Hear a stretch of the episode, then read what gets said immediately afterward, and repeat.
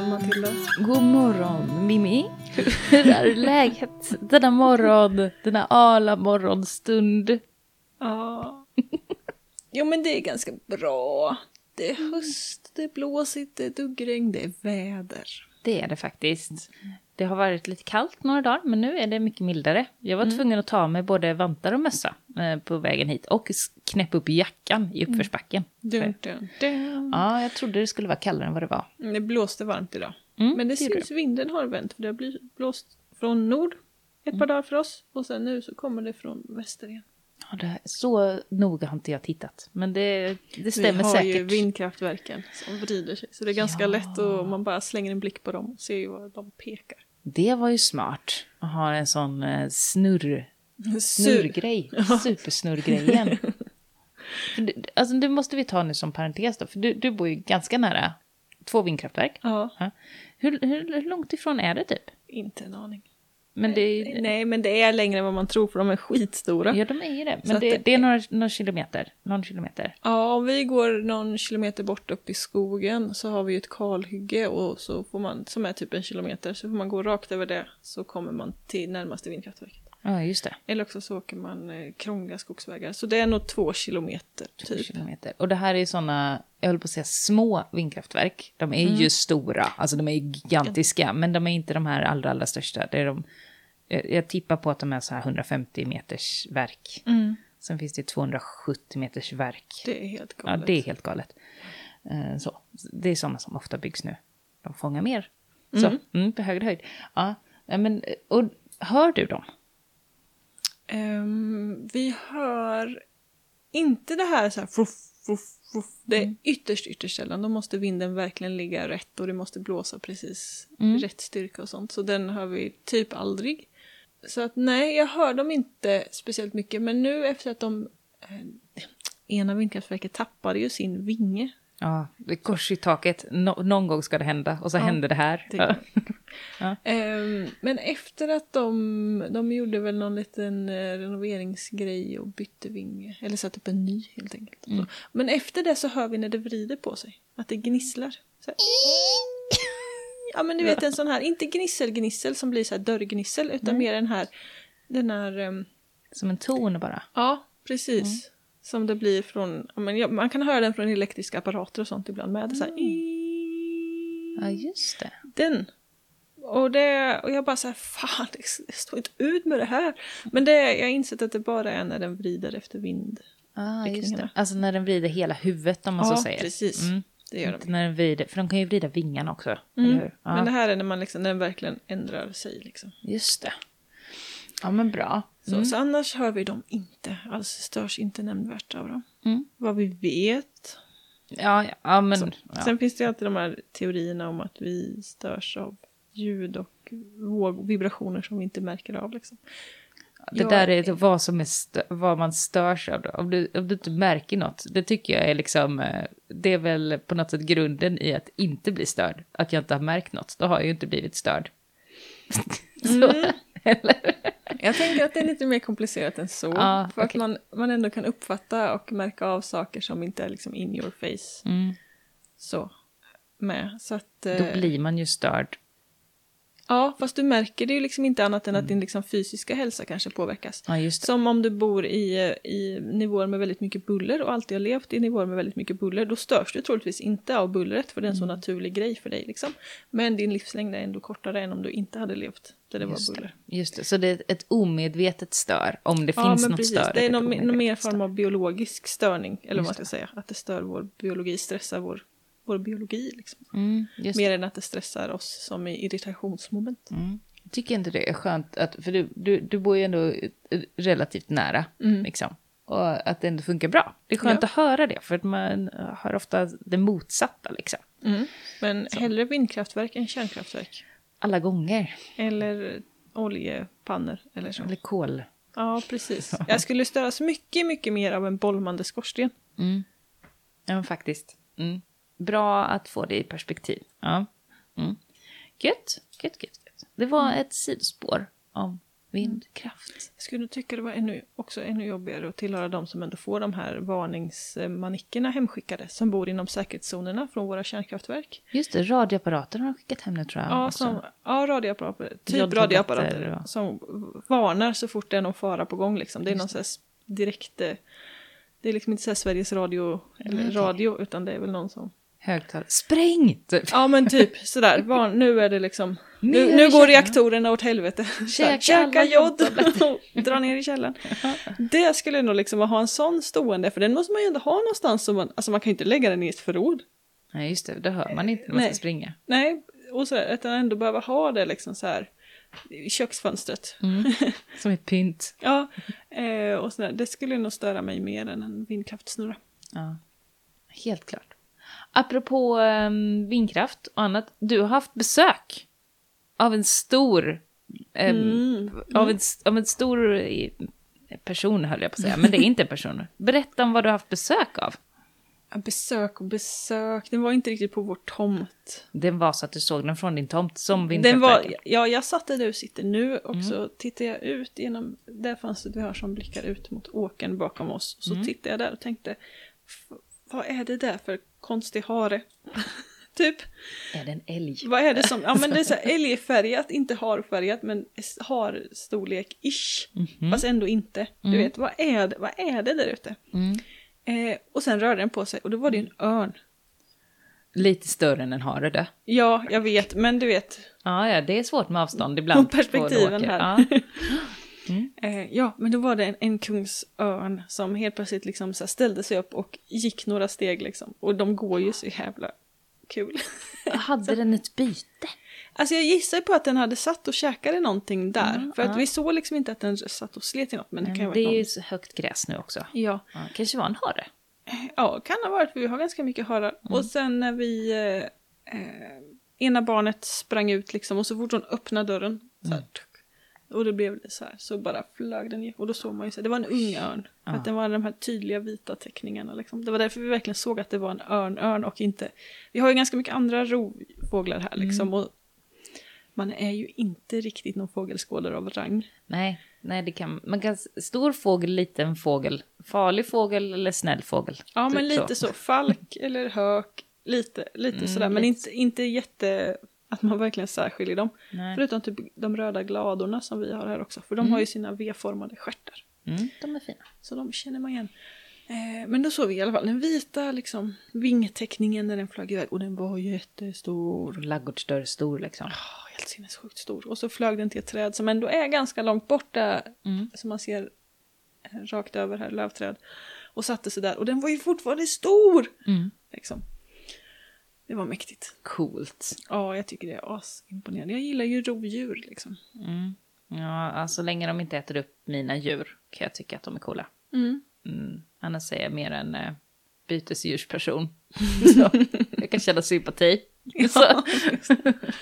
Ja, men vi är, ganska, vi är också väldigt befriade från rovdjursattacker. Här är det ju våra katter som kommer liksom släpande på typ mårdar Mm. eh, och så. Mm. Eller illrar. Ehm, istället för att de kommer och äter våra djur så Mm. äter våra djur dem. Ja. Som har sett. Ja, vi har haft en himla otur. Men jag Mm. hoppas att det kommer... Jag hoppas alltid att det kommer lätta, liksom. Mm. Så. Men vi bor ju mer i skog också. Det är, Mm. alltså det, det är inte så långt mellan oss. Men det är, jag tror att det gör mycket att du har åkrar runt omkring. Ja, men jag tror också att det, Ja. det gör att det öppnar det här.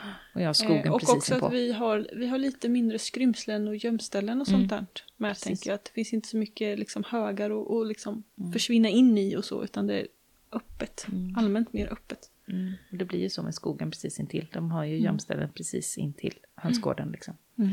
Till exempel. Ja. Mm. ja.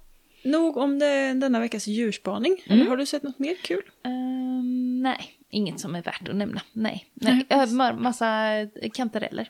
Men det är ju Ja. inget djur. Men Nej. det är Mäktigt ändå. Gott. väldigt kul att man bara stannar, ser sig omkring, inte på jakt efter kantareller och så bara "Åh, massa kantareller. Har jag någon hink? Så, Ha- Har jag något att plocka dem med? ja, precis. Så jag har massa kantareller som jag ska rensa där hemma i en hink som jag haft massa sockervatten i. Så det är sockerdränkta kantareller nu. Det var liksom det jag hade. Så, så att, ah, ja. Eh, Bättre, bättre sockerdränkta kantareller än massa som är kvar i skogen och inga till mig. Just det. Ja, det kommer att bli bra. Det är svårare. Jag får lägga dem i vatten innan jag rensar dem eller någonting. Mm. Det går ju. Rensa dem med det här vetemjölstricket kanske. Ja, men något sånt. Mm. Vilket får mig osökt att tänka på en sak jag läste i ett nyhetsbrev Mhm. eh, nu i veckan. Vet du, känner du till eh, Isabella McAllister? Namnet låter Is- bekant. Isabel, kanske inte Isabella utan bara Isabel McAllister. berätta om den här personen. Alltså jag tänker, om jag säger äntligen hemma, mm, typ pysselrummet. ja, Sådana där alltså liksom det var väldigt länge sedan jag... jag Ja, äntligen hemma har ju liksom inte gått på tv sedan Martin Timell och metoo. Eh, nej, det kanske inte har. Alltså jag har ju ingen koll på tv. Ja, Nej, nej men det, nu snackar vi liksom typ barndom här, tänker Okej. jag. Nästan. ja men... Eh, jag, får, jag får googla det här. Ja. Och, och Ja, men en i alla fall, hon, hon är ju en, eh, en person som har figurerat som programledare i diverse inrednings och gör om sig program. Mycket fokus på återvinning, förnya, jag- återbruk. Nu kommer det upp. Alltså jag tror, har hon varit i, i stan här nyss och Ja. haft föreläsning på Bosch? Ja, Ja, men då. Precis. Ja, men eh, henne snackade jag om senast igår. Ja, så utan Mm. att liksom eh, kopplare. koppla det. Men nu... Men hon har också ett nyhetsbrev via Substack. Det är Mhm. ju som, lite som Patreon, att man kan välja att, att liksom ta del av det gratis eller man kan liksom sponsra genom i månadsvis med valfria summor och så. Mm. Eh, som heter i alla fall Chunks of Change. Mhm. Som är oerhört matnyttigt. Eh, och väldigt, oftast väldigt, väldigt givande. Det är ändå skrivet snabbt och lättsamt, men liksom bara så här kastar in bara, har ni sett det här och det här och det här, det här, det här, det här.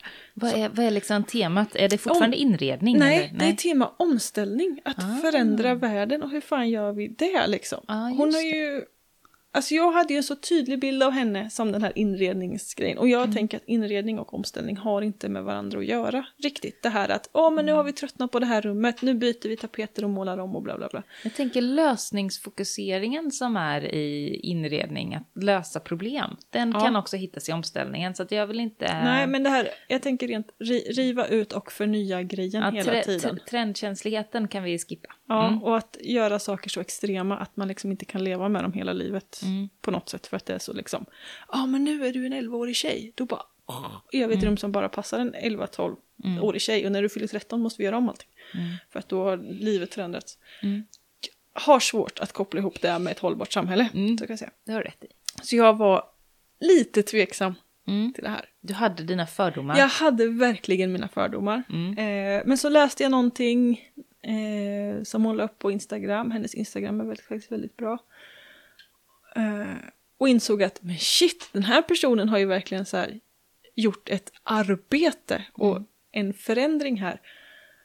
Och skickar nu ut det där nyhetsbrevet med jättemycket matnyttigt, väldigt mycket kritiskt och väldigt lyftande och på, liksom, ja men du vet, både kritik och positiva grejer. Mm. Och också är väldigt tydlig med, med att vi måste, alltså det här med att samhället verkligen måste förändras på riktigt. Mm. Mm.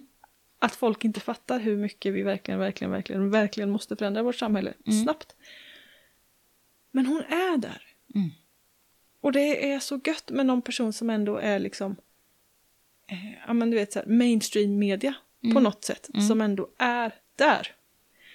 Och i, ja men det, det hon har skrivit i de senaste i alla fall, som jag tar med mig, är ju dels, och det här är, tror jag inte hon har kommit på, utan det här är något hon har plockat upp från något samtal om jag fattar det rätt. Mm. Men att det finns bara radikala framtider. Mm. Just det. Oh, den, låt den sjunka in. Ja. Precis. Att det finns liksom inga alternativ, det finns bara radikala framtider. Då Mm. väljer vi vilken, åt vilket håll vill vi att det ska bli radikalt. Just det. Så Mm. för att så här, business as usual funkar inte. Mm. Det, Vare sig vi vill eller inte så blir det radikala förändringar. det kan vara svårt att bara tänka sig en radikal framtid. Och att då tänka att det finns alternativ i en, alltså vilken radikal, det kan vara svårt att bara Ja. föreställa sig. Att, Precis. Antingen har man en samhällstransformation som går åt liksom det hållbara samman, alltså att vi tar hand om varandra, vi tar hand om planeten, vi backar undan från våra begär, håller oss till våra behov. Eller också så löser liksom moder natur radikaliseringen åt oss och bara kraschar allting. Till exempel. Mm, just det. Och sen har vi ju den radikala framtiden där vi bara så här business as usual eh, med extrem höger variant då, som verkar kännas mer och mer aktuell. Usch. Men i alla fall, eh, det var ett sidospår. Mm. För det hon skrev i senaste nyhetsbrevet Mm. var att om vi ska minska våra utsläpp med 90 procent, vilket vi i snitt behöver göra i Sverige, Ja. Ja, men så fort du är reggad som svensk medborgare, även om du bara ligger på ett golv eller på gatan eller under ett träd och stirrar hela ditt liv, så nyttjar du för mycket resurser för att det ska vara hållbart. Mm. Liksom. För skola och vård Och och, då- vägar och allt sånt. He- hela det, liksom. Mm, hela vår grundinfrastruktur tar för mycket resurser i anspråk. Mm. Så vi måste göra en extrem, extrem förändring. Mm. Och i den förändringen, då hon hade räknat ut på något sätt att om vi ska minska våra utsläpp med 90% så måste vi också minska vår arbetstid till 12 timmar i veckan. Jag är inte emot det. Jag, Nej. inte. Det, jag kan tycka att det är Måste- väl trevligt. Det var ju så här slut, alltså du vet, res betydligt mindre, förflytta dig betydligt mindre. Mm. Eh, vi kan liksom inte ha, vi kan inte ha elbilar heller, eller vi kan ha elbilar men vi kan liksom inte ersätta bensindrivna bilar med elbilar och vi tro att det löser färre sig. bilar. Ja, totalt sett väldigt mycket färre bilar, totalt sett väldigt mycket färre resor, totalt sett väldigt mycket mindre konsumtion även när det gäller tjänster och sådär. Mm. Men också jobba ungefär 12 timmar i veckan. Vad mycket tid man har till annat. Skönt. Ja, men den tiden kan du ju inte lägga på att konsumera Netflix-serier Nej, till nej, exempel. nej, precis. Får kanske börja prata med folk igen. Eller hur? Jäklar. Fan, det här går inte. Nej, eftersom allt jobb vi gör ändå liksom kräver resurser. Även Mm. om jag bara sitter och knapprar text på min dator eller läser böcker nu. Så är det ju, det kräver resurser. Boken har krävt resurser, datorn kräver resurser, allting liksom. Mm, mm. Eh, och att vi på något sätt skulle behöva minska ner det där till de där 12 timmarna. Mm. Så, det är oerhört svartvitt förenklat liksom. Men eh, 12 timmars veckan som norm. Alltså vilket, vilket skifte. Den tas inte i ett steg, tänker jag. Kan vi, kan vi börja komma överens om bara att komma ner till 30? Liksom? Alltså, 30 det, timmars veckan ja. ja, det blir Ja. pragmatiken i mig. bara Men nu stoppar vi all invandring, även arbetskraftsinvandringen om du inte är höginkomsttagare. Mm. Så att eh, det är ju bara kört. För att det finns ingen som kommer vilja täcka upp för de där sjuksköterskorna och, och undersköterskorna och alla som jobbar inom vård och omsorg på sina Mm. veckor. De Ja. går ner i tid. Nej, men precis. Och det är också ungdomarnas fel som inte väljer att alla ungdomar måste bli undersköterskor nu för att få det här att gå ihop. Och det gör de ju inte. Vad dåligt av dem. Det Precis. så här, va? Och det Jag här- kan alltid skylla på nästa generation. Jag blir så trött på det. Sluta skylla på nästa generation för något som du redan har gjort. Eller som för tidigare generationer har sabbat liksom. Kan Ja! inte de få ta sin skuld? Alltså jag rageade på det där så himla mycket förra veckan. Jag var helt, Mhm. du vet, jag bara spottade ur mig för Oscar här eh, efter ett tag. För att Berätta. Det var några kommentarer som gjorde att det rann över. Och jag bara kände att nu får ni väl för i helvete ge er, Är ni som är födda 40, 50 och 60-talet. Var, var har du varit inne och läst? Eller är det någon som har pratat med dig? Eller Ja men lite både och. Mhm. Eh, Och jag har, ja men du vet man stöter ju alltid på det här, ja men om ungdomarna bara skärpte sig. Ja, just det. Du vet, om de inte bara satt med sina telefoner och om dagens unga föräldrar inte bara satt med sina skärmar, nej, nej, nej, nej, nej. och bara liksom gjorde något vettigt och sånt där och brydde sig om varandra och bla bla bla. Och jag blir så här, ja, men nu är det ju inte de som är 16 år idag som har skapat det här samhället. Nej. Så. Och det är ju inte de som är 26 eller vi som kanske är 36 idag som riktigt heller har liksom lagt grunden för det här samhället. En del av de stora grejerna som har hänt, alltså jag tänker de här typ Spotify, Klarna, eh, bloggeran, alltså mycket sådana saker är ju folk i vår ålder eller yngre. Mm. Men det som ändå har liksom gjort grunden, byggt grunden till dagens samhälle. Mm. Det är ändå de som är ytterligare en generation. Typ våra föräldrars generation och Mm. våra farföräldrars generation. De Mm. som är födda 50, 40, 50 och 60-talet. Och det är ofta de som gnäller så in i helvete på de, produkten av det de skapat. och det är de som sitter och bestämmer nu också till stor del. Så. Det är med. Mm. Det är fortfarande de som sitter och, och drar in kosigen. Mm. Det är ju liksom de som sitter på, på aktieportföljerna, på styr, i styrelserna, Mm. i någonting. Så att det är ju ändå... Ja, ja, men jag blir det är verkligen det här liksom att... jag, jag blir mer som i, alltså hela, jag, jag kopierar min inställning till hela den här Israel och Palestina-konflikten där jag bara säger, ja men jag, jag, jag, jag vill faktiskt inte ta ställning, jag vill bara att alla slutar bråka och skylla på varandra. Och det är samma med generationsskiftena. Så här, ja men jag, visst, folk kan tycka att yngre generationer inte gör tillräckligt och vi kan tycka att äldre generationer skiter i problemet som de har ställt till med. Men i slutändan så måste vi bara släppa det och så gör vi någonting vettigt av det här. Ja, Mm. precis. Jag bara så här, jag orkar inte bråka. Jag orkar inte bråka längre. Nej. Så, bara sluta bråka! Ja, sluta bråka, sluta kriga, sluta så här. Ehm, och, och, och det gäller ju, och då får vi väl då direkt gå ifrån det och så bara, ny gamla får sluta skylla på oss.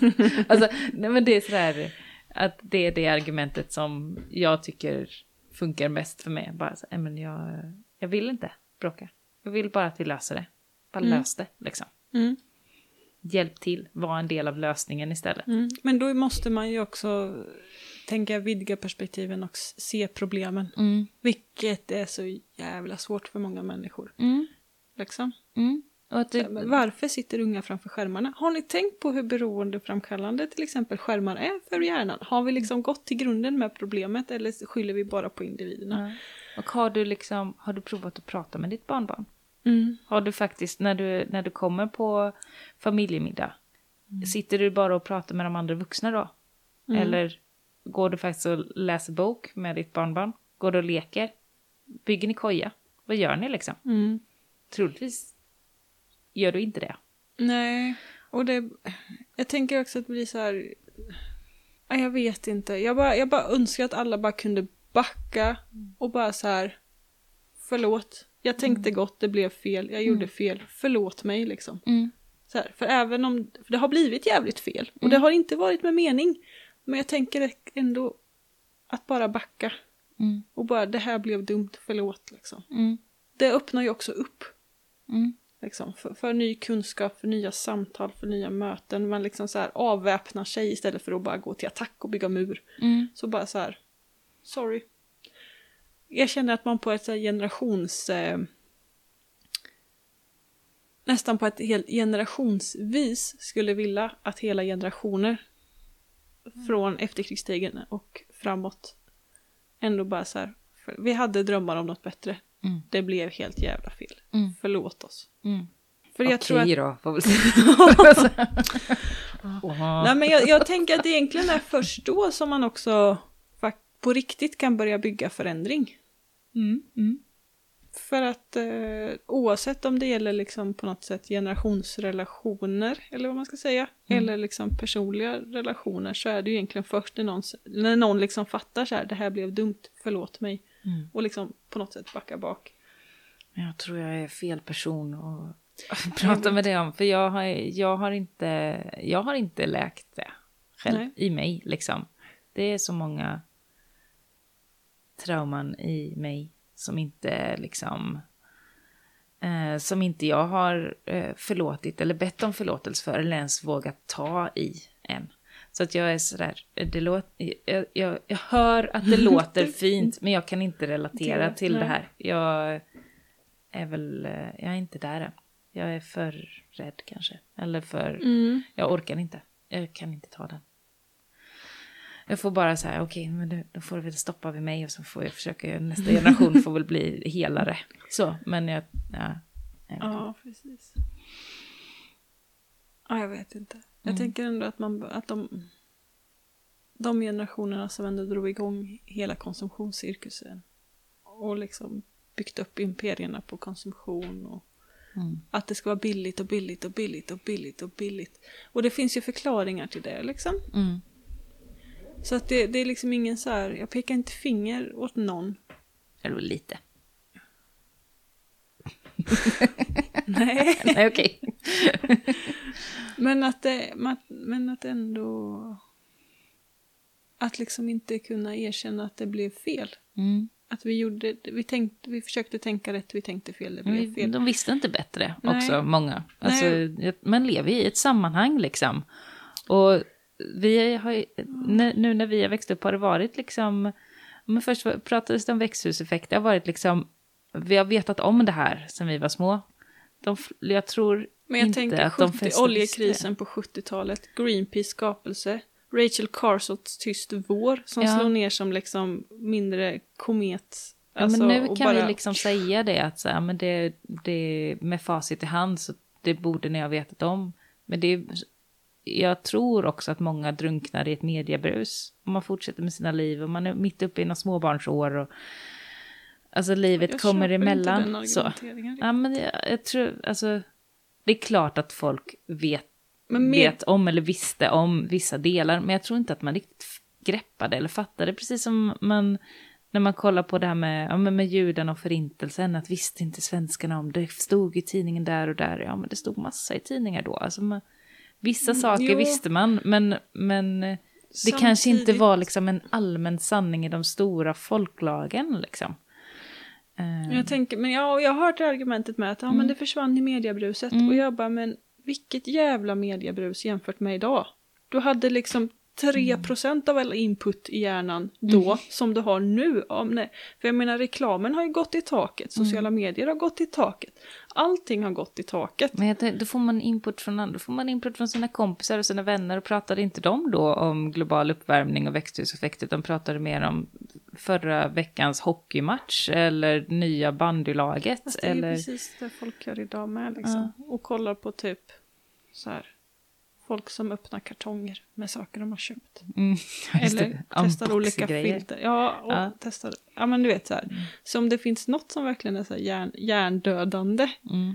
mediebrus idag så är det väl mycket mer då. Så att, ja, men Mm. jag, jag tänker också de här studentrevolterna och alltså trädkramandet och det var liksom det var så jävla mycket som slog igenom på ett helt annat sätt då Mm. för att det inte dog bort i mediebruset på samma sätt. Mm, Så det. att det här med att de inte visste, alltså att de inte ville veta, Mm. Ja men det, absolut. ja, men att de bara säger nej vi hade inte en aning. Mm. Det köper jag inte alls. Nej.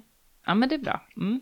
Nej, vi, vi fanns ju inte då. Det är svårt Nej. att veta liksom. Mm. Mm. Jag, jag hävdar då att eh, världen inte är liksom svart eller vitt, utan det måste finnas nyanser. I vissa, i vissa delar är det självklart att det var en, en stor del av verkligheten och väldigt nödvändigt och eh, helt ofrånkomligt att inte veta. Och i andra delar så bara, äh, men vadå, solen går upp idag också.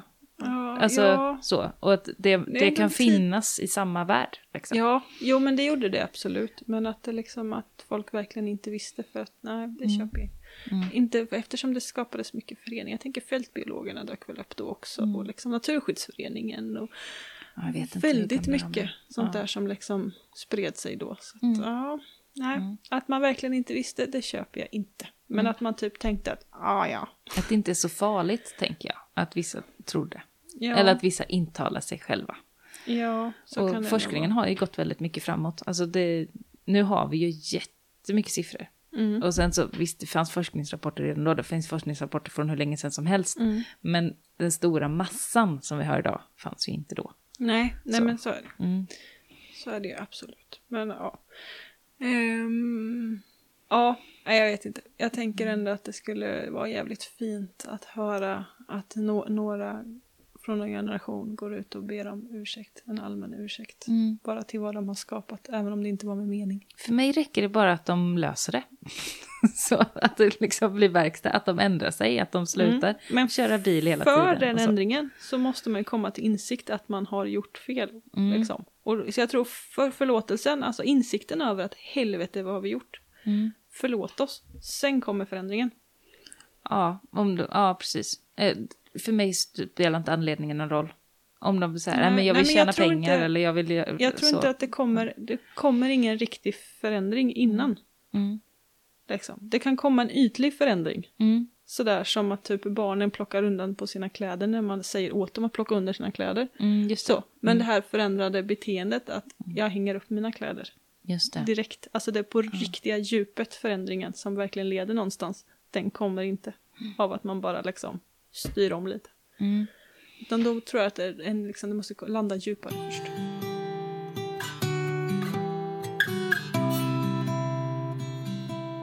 Det var dagens raljerande. Mm. Eller? Ja, men det, det låter vettigt.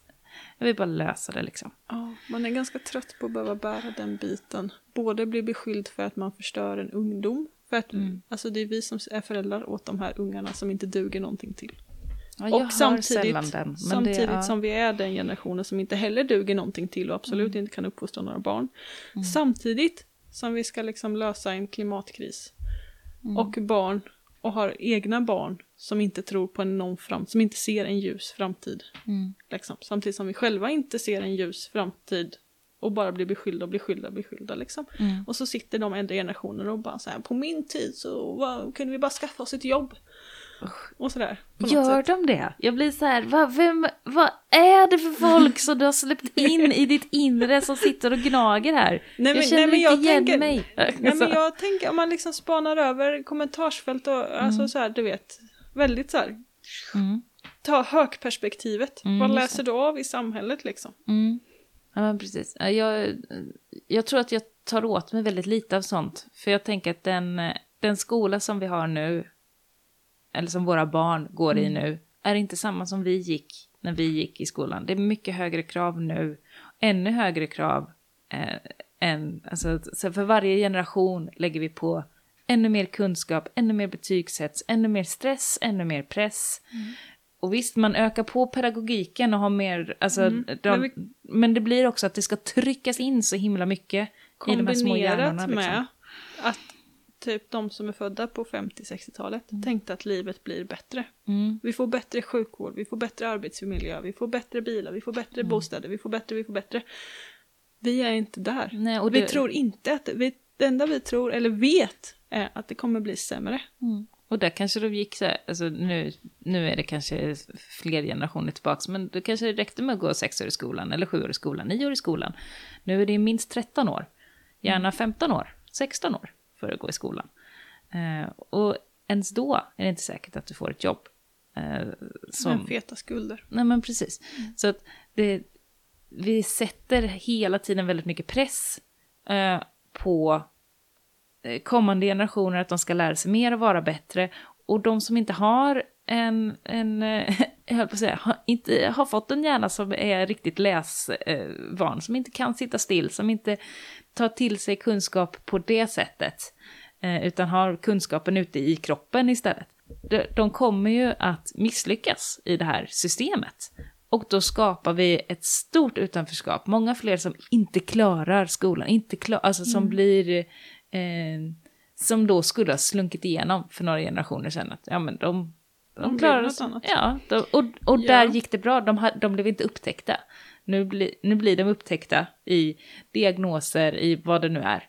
Det är inte så att det har uppfunnits nu, eller att det, in, och att det inte fanns tidigare. Det är bara att kraven var mindre då. då Mm, och att det förvärras av andra miljöaspekter, tänker jag. Mm. ja, nyckelhålet att ta sig igenom var större förr.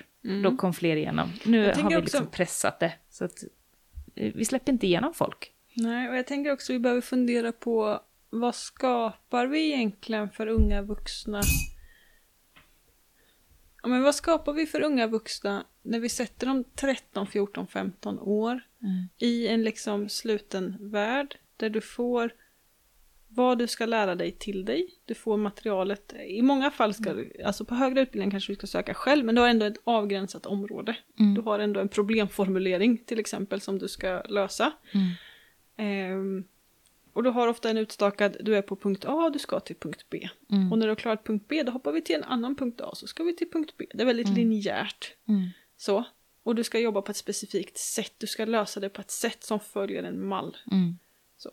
Vad skapar vi egentligen då när det kommer till initiativförmåga, orienterings, alltså lösningsorientering, eh, att angripa problematik på olika sätt. Eh, att tänka kreativt, Mm. att tänka utanför ramarna. När vi går i en sån miljö, från att vi kanske är 14 månader, Mm. då folk börjar plocka in barn på förskola, Mm. till att vi är 24 år. Mm. När hela vår hjärna formas. Men det blir en väldig... Så har vi ändå så här 7, 4, från A till B enligt den här mallen. Det är ju en väldig chock sen när folk, både, jag tror, både när folk flyttar hemifrån, men också när folk slutar eh, plugga och eh, skaffar sig ett riktigt jobb, som om jag någonsin har gjort det, skaffat ett riktigt jobb. Jag har skapat mitt eget jobb. Nej men, eh, och, och då blir det ett jättekliv i mognad eh, och det kan gå på gott och ont det där, det kan gå helt åt helvete också. Jag tänker det, att det är inte konstigt att vi, att vi flyr in i skärmarna och att vi känner Nej. att vi inte kan svara an. Att Mm. vi inte kan liksom lösa problem. Att det är lätt att, att försvinna genom liksom distraktioner. Mm. Så. Att binge, kolla serier eh, och sånt där. Mm. Blir en väldigt smidig lösning när allting känns helt ogörbart. För att vi aldrig har lärt oss att hantera det ogörbara. Eller göra det ogörbara görbart. Mm. Så. Mm, Jag, jag tänker också att det är många saker som, är, som går till rätt håll med alltså, unga generationer nu. Mm. Som att de, de dricker mycket mindre sprit, apropå det här med flyktbeteenden. Mm. Bara det känns som att ja, men jag tar hellre att låta mina barn, mina barn sitta vid en skärm några timmar extra än att de ska eh, supa sig drängfulla varje helg. Mm. Så om man pratar om Ja. olika flyktbeteenden. Jo men det, vi Ehm. har också generationer av fäder som liksom bygger en helt annan liksom, kontakt med sina barn. Ja men precis. Generaliserat. Det har alltid funnits papper som har varit närvarande Mm. och nära i sitt föräldraskap. Och det men de kommer blir alltid vara papper som är frånvarande också. Ja, Och mammor. ja. ja. Mm. Jo. Ja.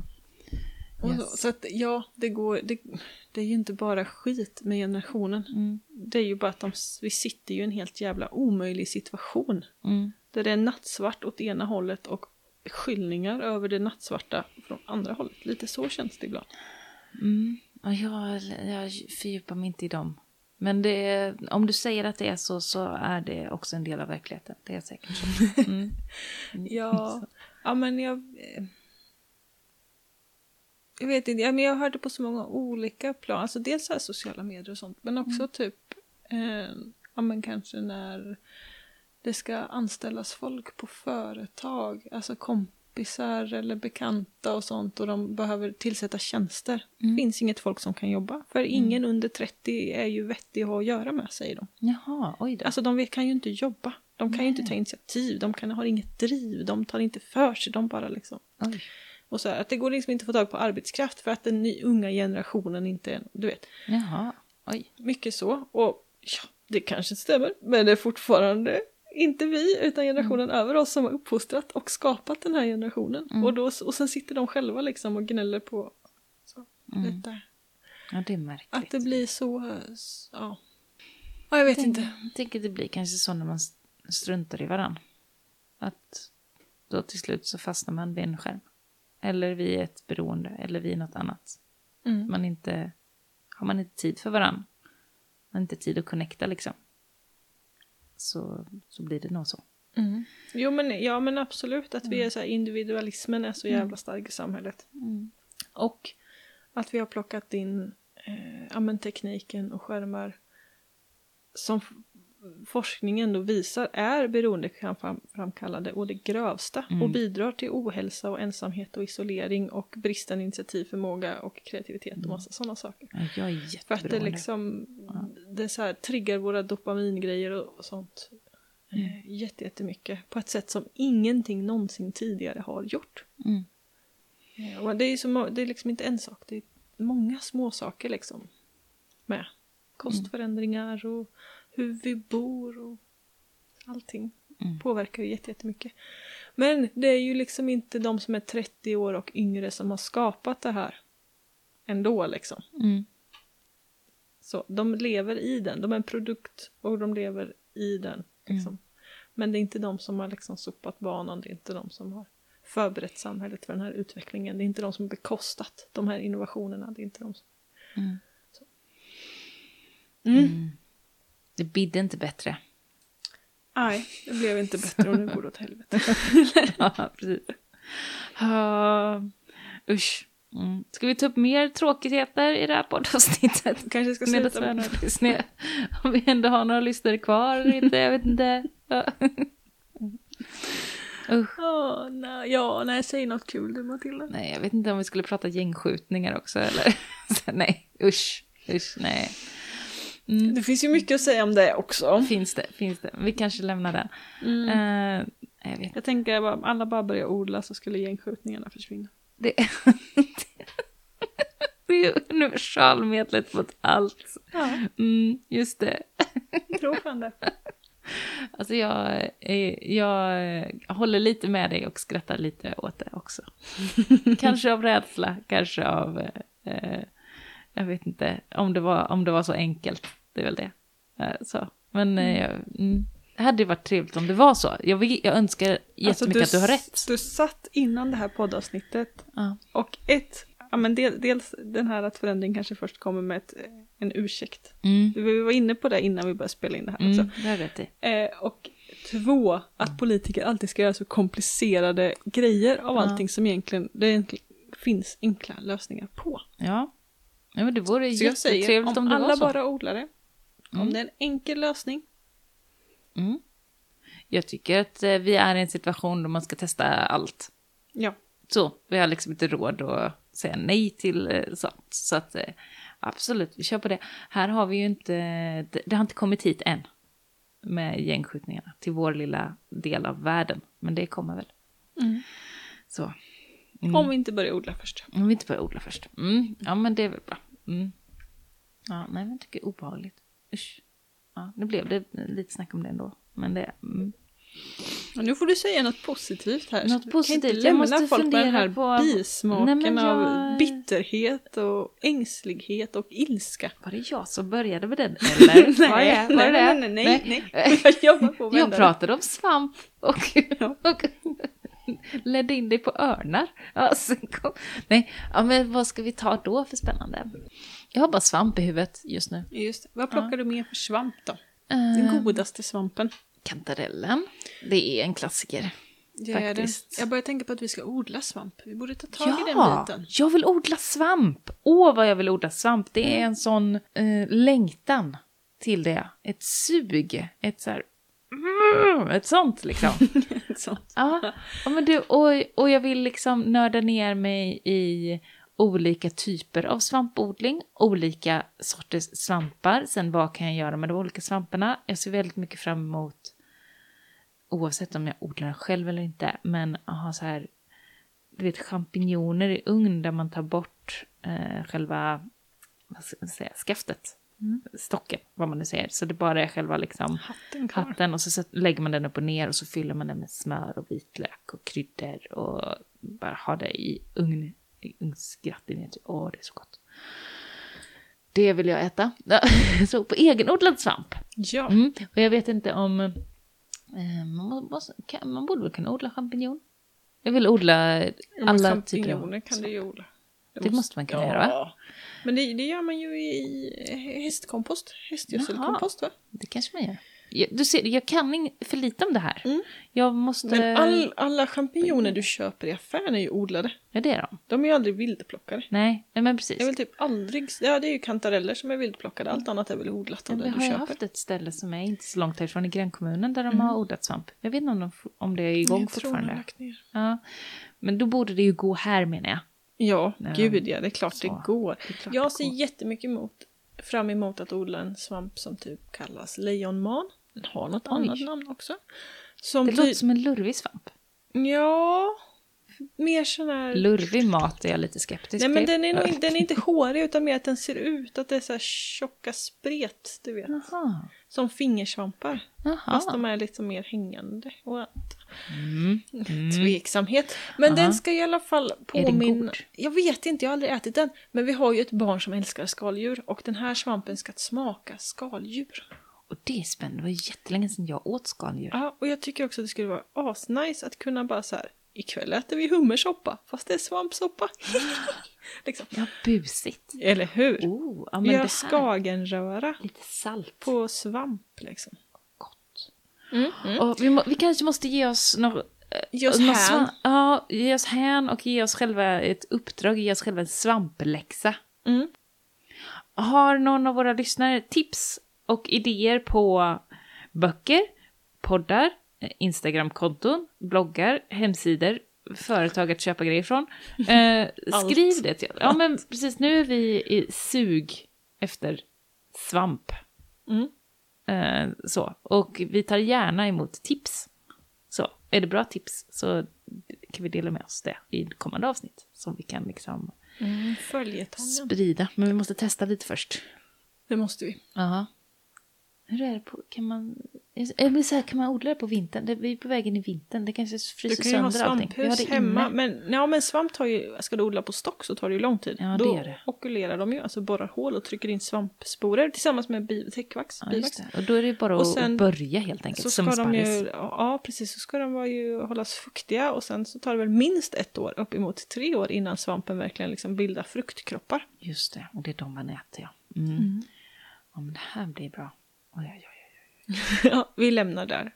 Ja, för nu, det är inte lämnat i huvudet nu. Det sitter Nej, ju kvar här. Det men kommer det sitta hårt ser mm, Ja. roligt. Svamp. ja. Ja, Vi säger tack och hej där, det gör vi. med svamp i hela huvudet. Ja. Ha det så bra så hörs vi och skriv till oss. Mm. Hej då!